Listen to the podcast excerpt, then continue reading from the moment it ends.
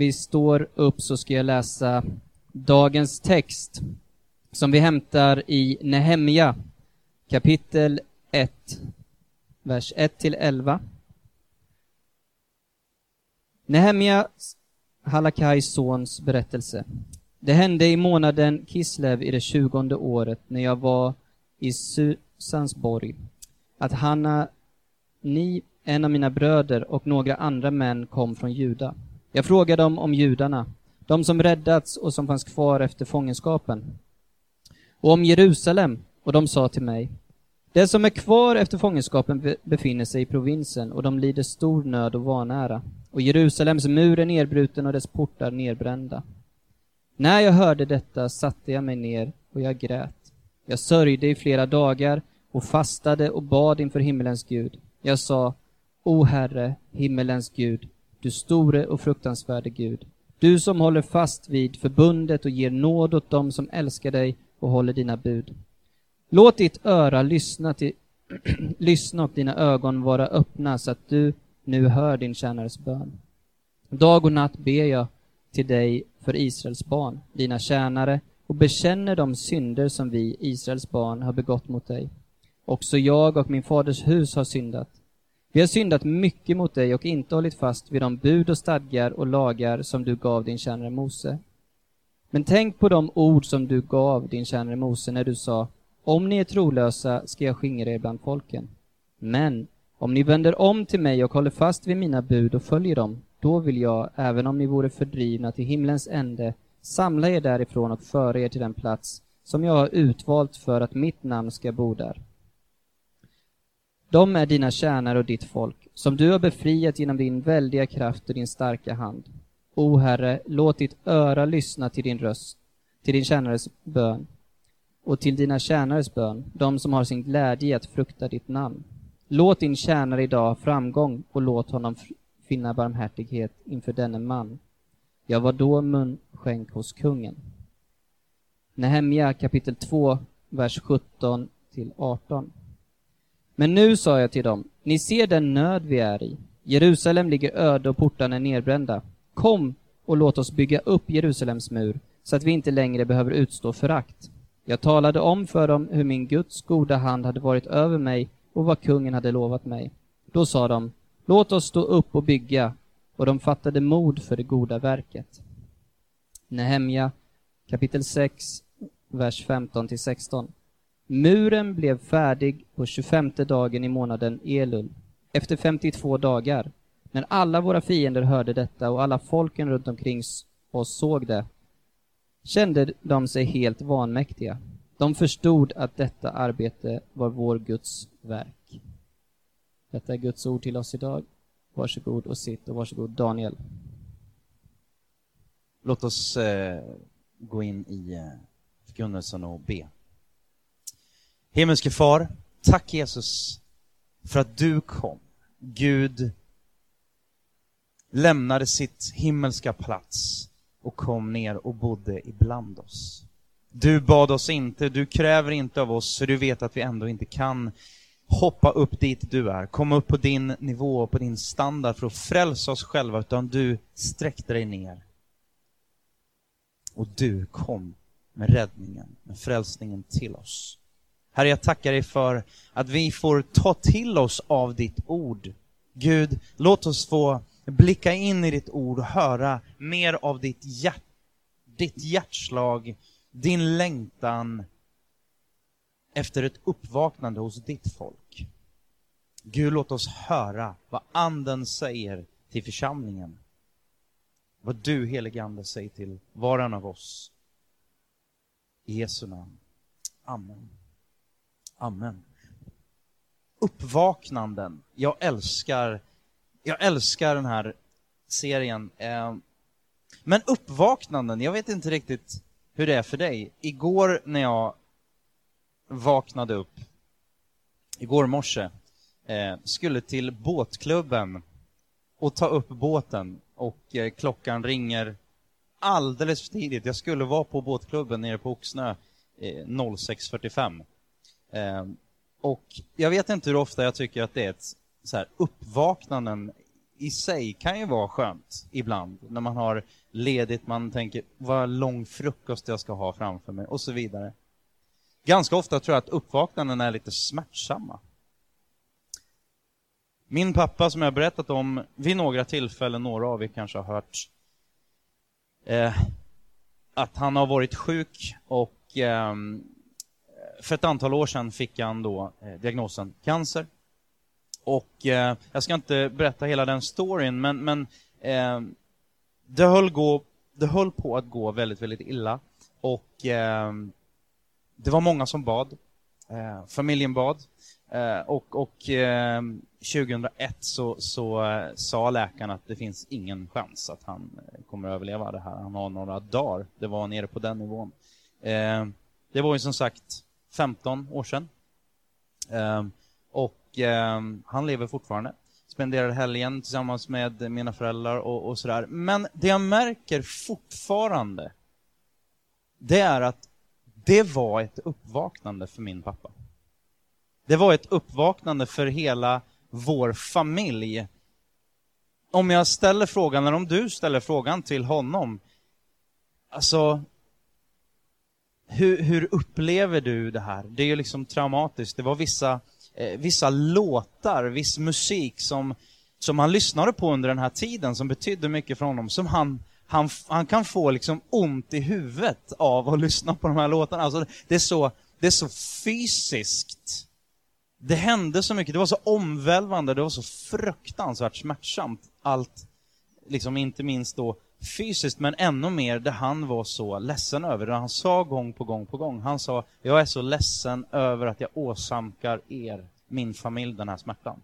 Det var det som han, det var det som han gick omkring och bar. bar och vi tyckte liksom att det är ju inte riktigt läge att tänka på det just nu, liksom, fundera. Eh, men, men han behandlar min mor, skulle jag säga, ännu bättre idag med mer respekt än vad han gjorde tidigare. Um, han tar mer tid med barn och barnbarn än vad han gjorde tidigare. Han är en mer, jag vågar säga, han är mer Kristuslik idag än vad han var tidigare.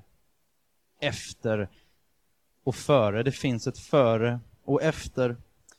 Och läser man läser man Bibeln genom hela Gamla Testamentet och, och även Nya Testamentet, så ser man ju att det finns, det finns en, en, en sinuskurva, det finns en rörelse och det finns en massa uppvaknanden. För Guds folk tenderar att somna. Guds folk tenderar att gå vilse. Det är ju smärtsamt. Jag vet inte om du har varit i en situation där du liksom går omkring i skogen och tänker eller någon annanstans och du bara, det här är lugnt. Och så helt plötsligt märker du bara att, oj, det här är inte lugnt längre. Jag är, jag är vilse. Att hitta rätt då, det är ju inte alla män som det första de tänker på, jag frågar någon om vägen. Det finns en massa statistik på det där, det är lite komiskt, kan man tycka. Men är vi inte lite sådana till, som människor. Historien bevisar det gång på gång på gång. Vi vänder oss inte alltid, utan väldigt sällan, alltför sällan, vänder vi oss till Gud och ber Gud visa vägen.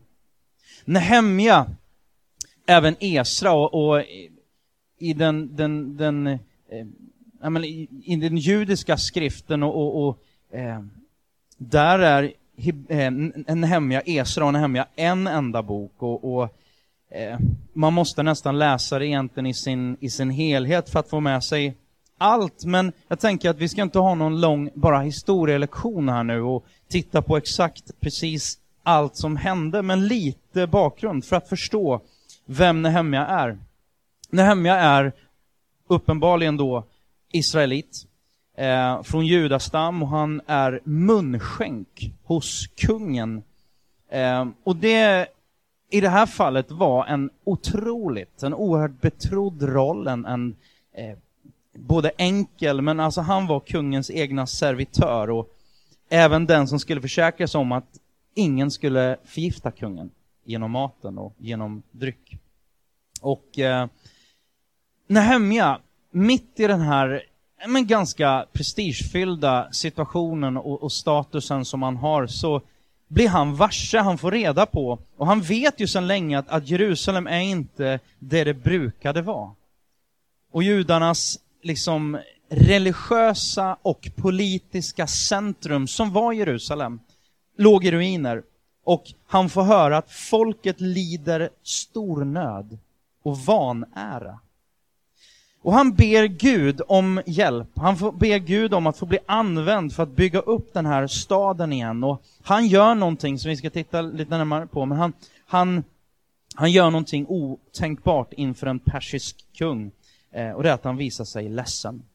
Eh, och kungen frågar om vad som är fel och Nehemja börjar berätta och hur kan jag leva så här? Och han jämför sig, hur kan jag, hur kan jag leva så här när mitt folk och, och Jerusalem liksom ligger i, i ruiner.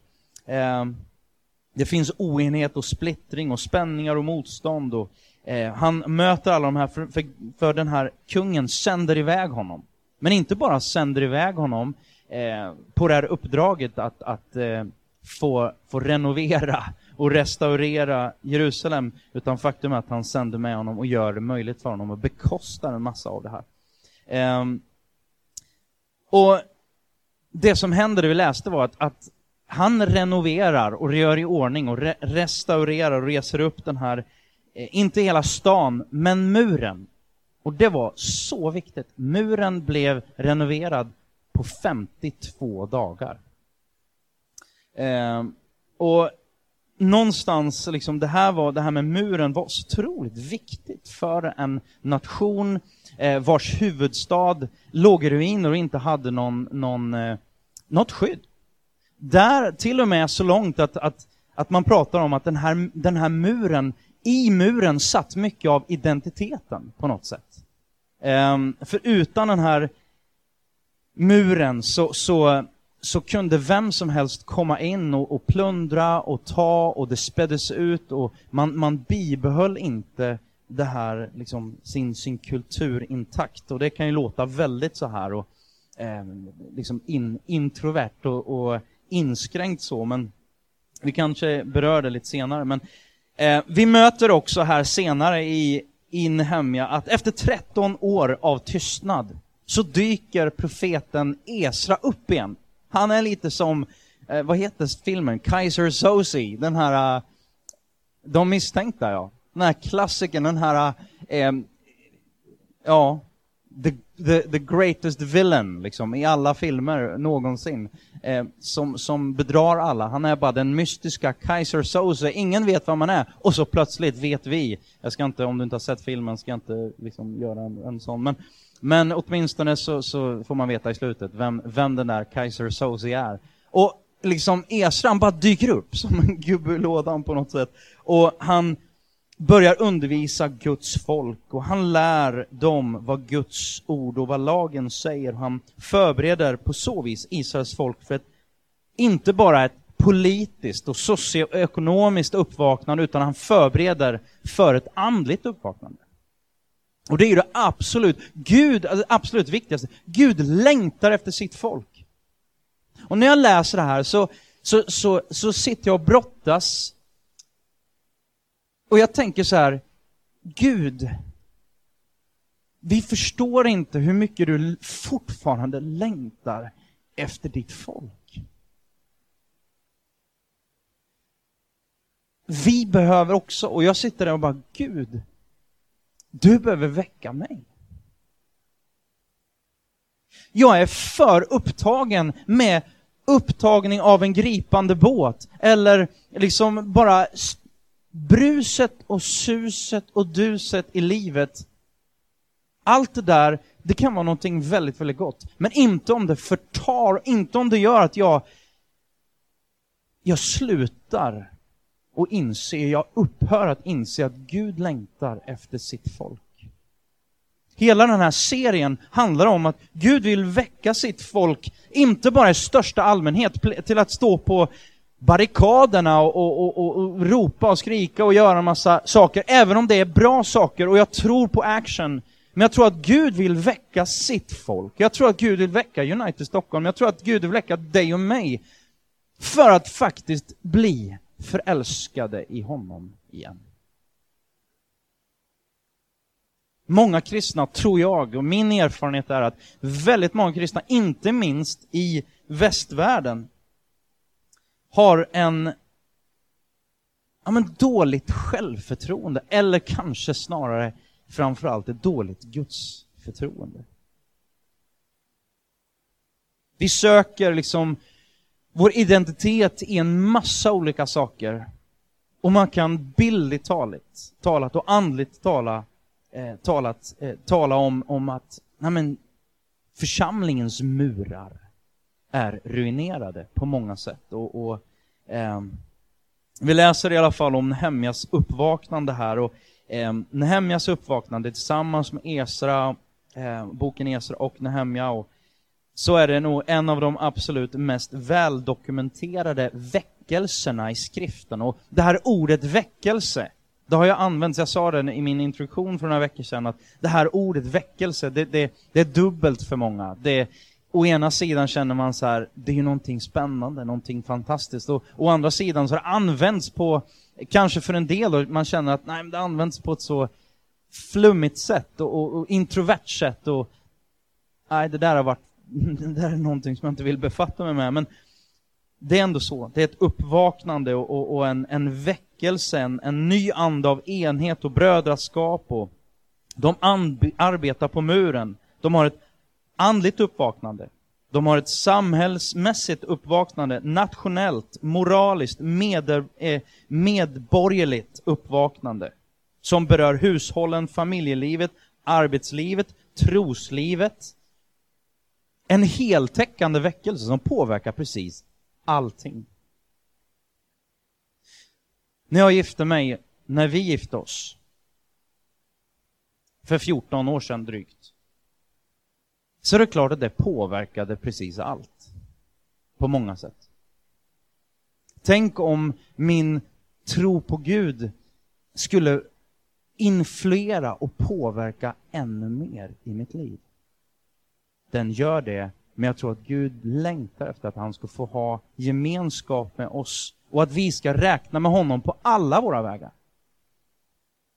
Och jag vill inte ha liksom en, en, eh, en historielektion. Och jag tänker så här, det är så lätt att dyka in i en bok som Hemja eller någon av de andra de här personerna och titta på deras liv. Och så kommer man fram med så här, här är fem nycklar till awesome ledarskap eller någonting som, som man mycket väl skulle kunna plocka fram och som jag har hört, eh, inte minst då i, i olika, och det, kretsar, alltså det, det är jättebra med, med, nycklar till, till gott ledarskap. Och man kan hämta väldigt, väldigt mycket ur Nehemja.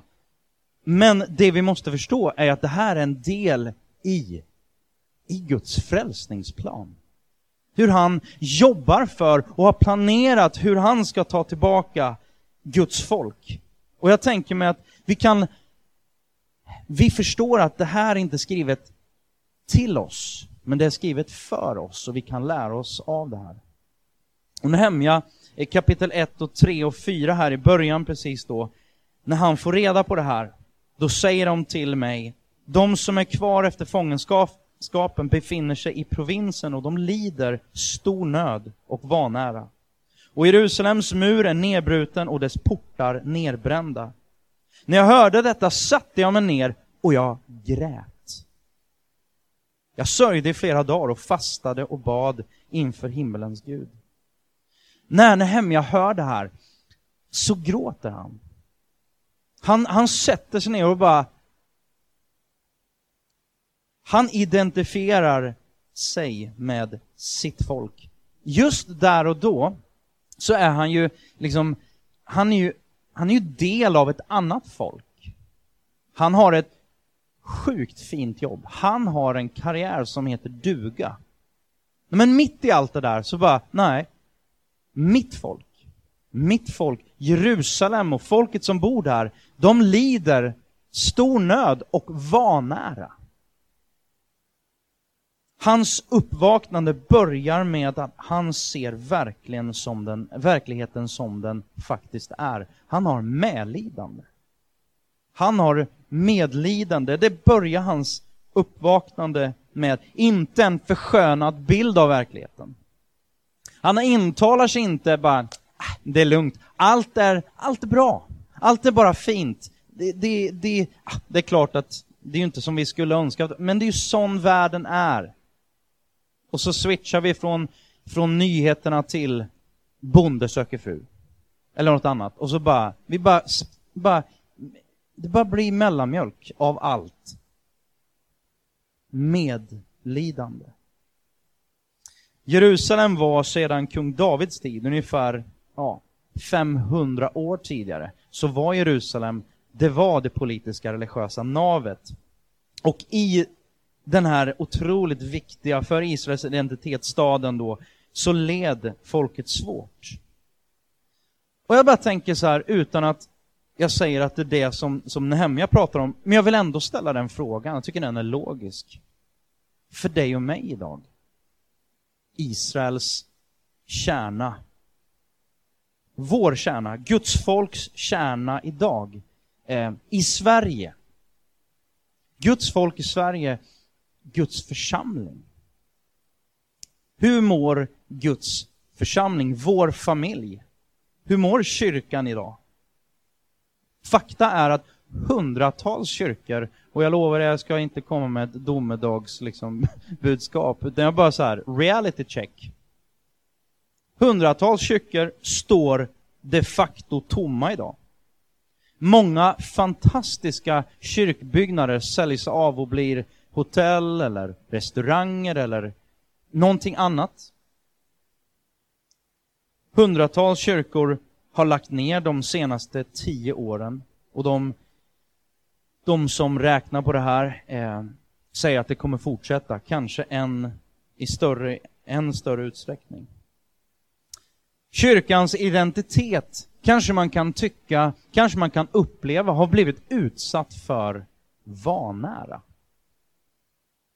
Och jag tänker på det här med, med att många kristna idag har ett dåligt, kanske då, självförtroende. Och istället för att vi vänder oss till Gud, det är bara att fråga dig själv, var vänder du dig? Och hur gör du? När du vill bemöta liksom bilden av kristen tro. Många tenderar att, att vända sig och man kompenserar den här, det här dåliga självförtroendet, missförstå mig rätt, men man kompenserar det med coolness-faktor eller samhällsrelevans eller något annat populistiskt som egentligen inte har någonting med Gud att göra överhuvudtaget.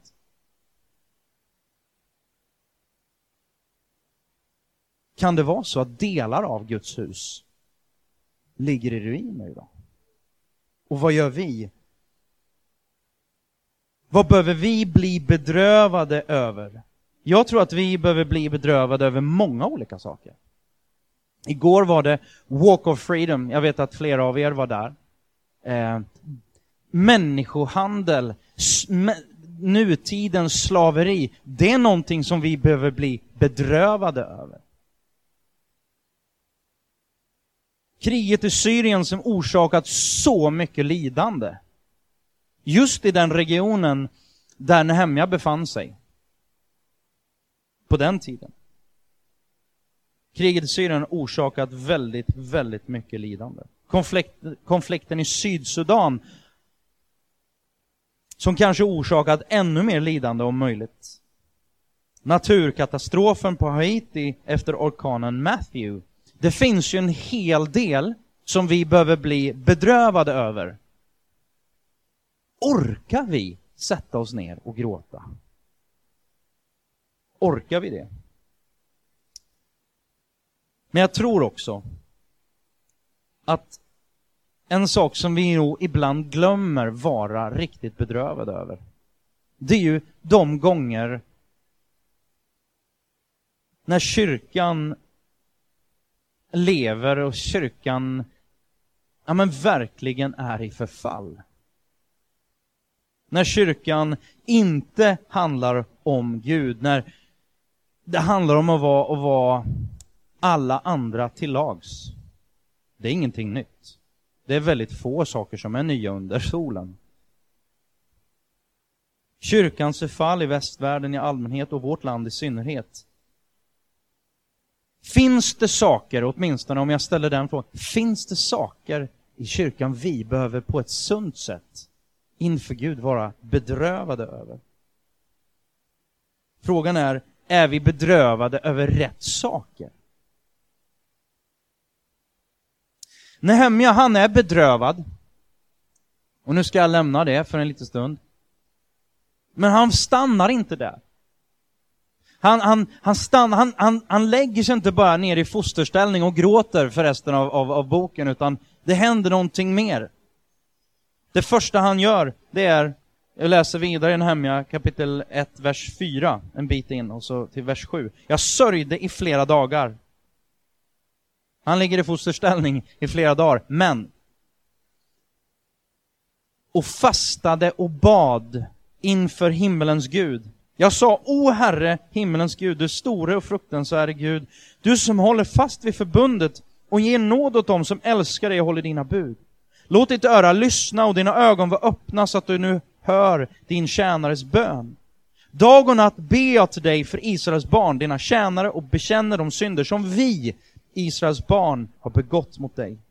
Också jag och min fars hus har syndat, vi har syndat mycket mot dig och inte hållit fast vid de bud och stadgar och lagar som du gav din tjänare Mose.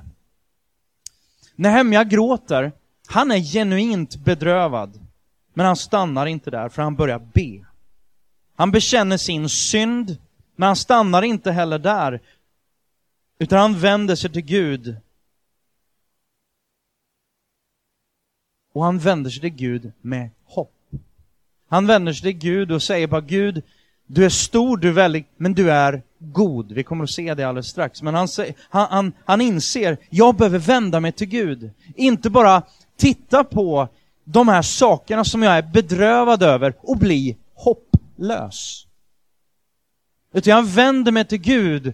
Och den här frågan är ju naturlig. Ska det verkligen behöva vara så här?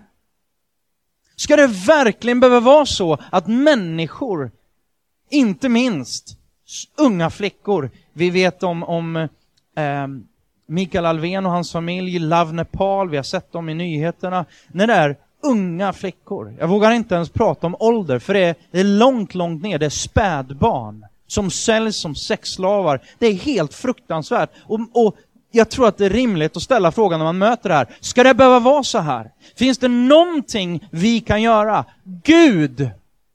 Vad kan vi göra? Någonstans så är det folk som ger respons på de här, på de här bitarna. Men vi vänder oss till Gud. Och Gud vem vill att vi ska vara bedrövade över rätt saker, men också att det ska driva oss till honom. Inte bort, inte ner, inte bara liksom att vi blir någon blöt fläck på marken och bara tycker allt är hopplöst. För Gud har, han har makten i sin hand. Så han vänder sig till Gud i bön, men han stannar inte heller bara att liksom lyfta den här ångesten inför Gud, utan han går vidare och han går direkt till Guds ord. Vi fortsätter. Nehemja 1, 8-9. Men tänk på det ord som du gav din tjänare Mose när du sa, om ni är trolösa ska jag skingra er bland folken. Det var precis det som hade hänt, eller hur? De var skingrade, de var inte enade. Men om ni vänder om till mig och håller fast vid mina bud och följer dem, då vill jag, även om ni vore fördrivna till himlens ände, samla er därifrån och föra er till den plats som jag har utvalt för att ni, mitt namn ska bo där. Nej, men jag fattar att det här är inte bara en börda som han främst har, utan det här är en börda som Gud har. Som på frågan, vad ska du och jag ha börda för? Jo, det som Gud har börda för. För om du bär en börda som Gud inte bär, då blir det väldigt, väldigt tungt för dig. Och det är inte tanken. Gud älskar sitt folk. Nehemja vet att han älskar sitt folk. Nehemja älskar sitt folk, men Gud älskar sitt folk ännu mer. Varje kväll försöker jag säga till våra barn, jag säger fortfarande, fastän Caleb är nio år och han har hört det nu i nio år, typ. Caleb, vet du en sak? Ja, du älskar mig, säger han då. Ofta säger han det, men jag märker också att ett par gånger i veckan så bara, då, han väntar ändå på att jag ska säga de här orden. Och så tittar jag alltid så djupt in jag bara kan in i deras ögon och säger att jag älskar dig. Ja, jag vet, säger han då. Men det där, jag ställer ju också frågan, och det har jag sagt tidigare, liksom, hur vet du? Hur vet du att jag älskar dig? Ja, men du säger ju det hela tiden. Och det där med ord. På samma sätt är det ju viktigt att vi vet vad Guds ord säger. Vet vi vad Guds ord säger? Och då menar jag inte bara intellektuellt. Och jag menar definitivt inte bara att, ja men om jag skulle vilja veta, då tar jag reda på det. Utan formas du och jag av Guds ord? Jag kan säga så här att, att varenda, varenda kommunikationschef, marknadschef, varenda försäljningschef, varenda eh, producent, varenda eh, kotte, journalist etc. etc. i, den här, i det här samhället försöker att forma dig. Försöker att förmedla ett budskap och många är sjukt duktiga på det. Hela vårt samhälle är uppbyggt kring kommunikation och är uppbyggt för att forma dig och mig. Och Gud säger, ni ska leva i, och Guds ord säger, ni ska leva i det här samhället. Men ni kan inte, ni får inte leva av det här samhället. Ni måste, ni måste lyssna på min röst. Jag vill vara er Gud och ni ska vara mitt folk. Det är Guds hjärta, har varit hela tiden och kommer alltid att vara. Vet vi vad Guds ord säger? Fyller vi oss med Guds ord?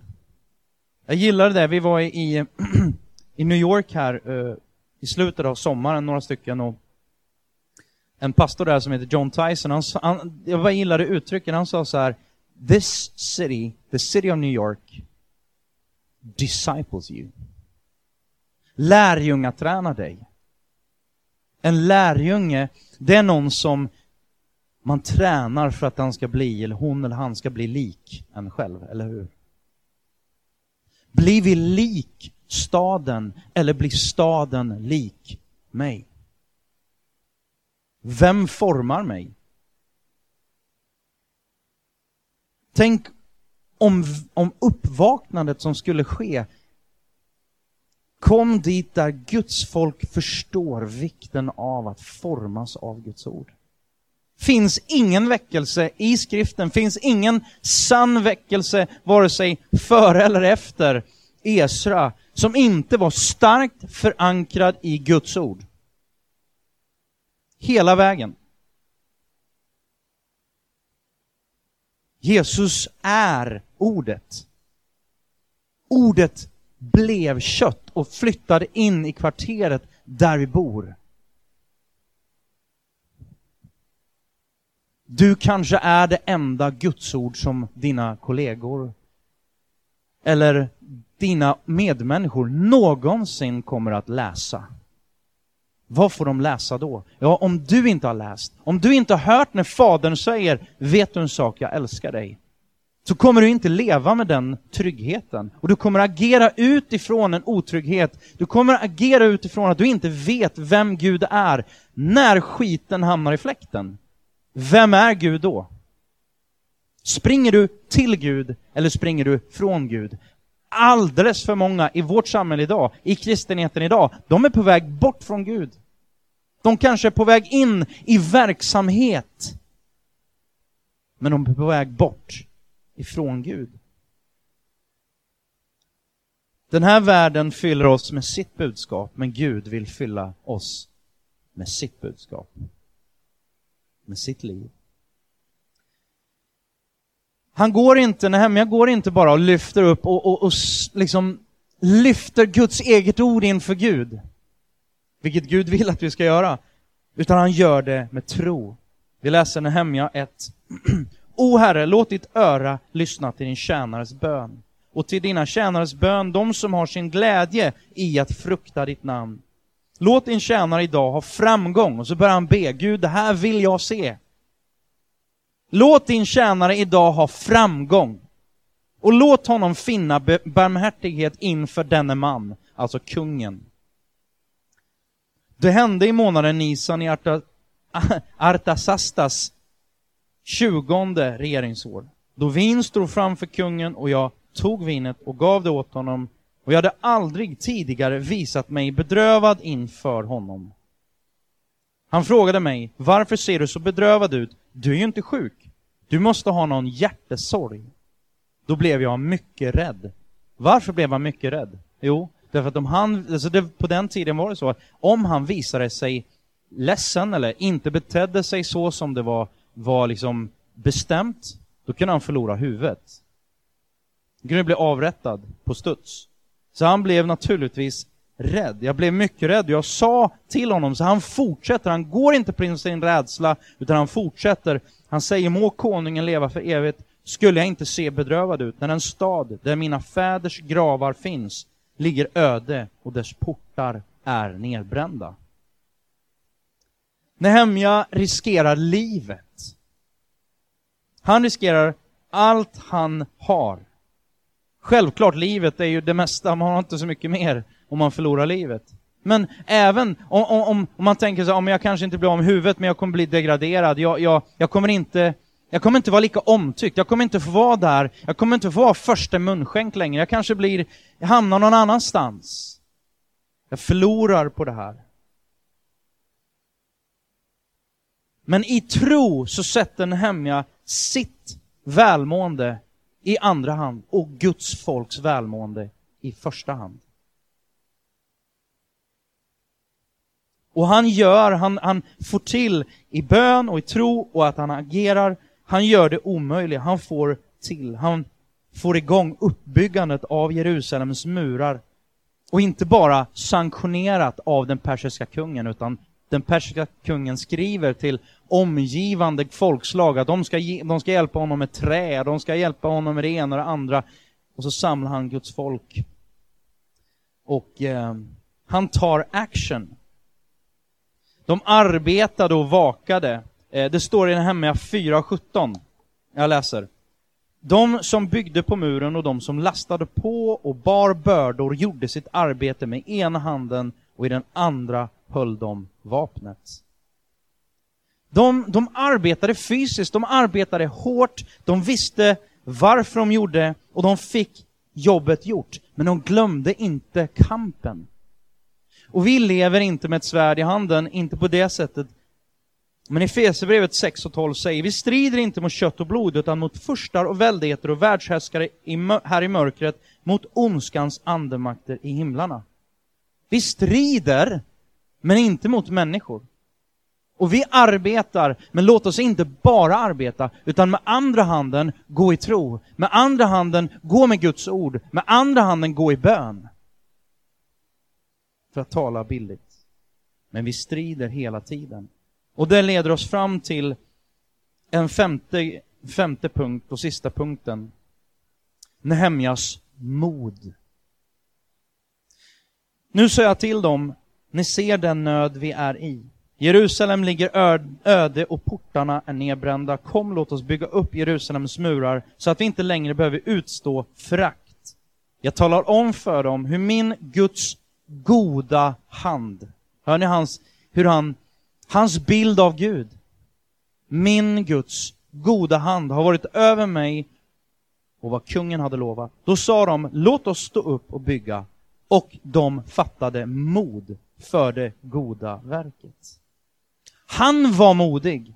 Han satte sitt eget liv på spel och med det så ingöt han mod i Guds folk. Han levde inte bara för sig själv. Han skapar enhet bland Guds folk. Um, Nehemja 6, 15-16. Muren blev färdig på 25 dagen i månaden Elul. Efter 52 dagar, när alla våra fiender hörde detta och alla folken runt omkring oss såg det, kände de sig helt vanmäktiga. De förstod att detta arbete var vår Guds verk. Deras mod, deras tro som uttrycktes i, i, i action och i agerande och, och modfyllt agerande och de, de tog sig ända fram med Guds hjälp, men de fick jobba hårt. Folken runt omkring såg det. Människorna såg det. Och de som tidigare hade haft makt över dem, för att de inte hade några murar, plötsligt kände de sig vanmäktiga. De hade inte längre någon makt över Guds folk. Och man läser i Nehemja 3 och 4, speciellt kapitel 3, som är bara så här, rapar upp en massa namn som man lätt hoppar över. Men det man ser efter varje namn, då står det så här, bredvid honom, bredvid henne, bredvid den, bredvid den, bredvid den, bredvid den, bredvid den. De stod tillsammans. Varenda kotte. Kvinnor, män, präster, hantverkare, you name it. Alla stod där och alla hjälpte till. Alla byggde på muren.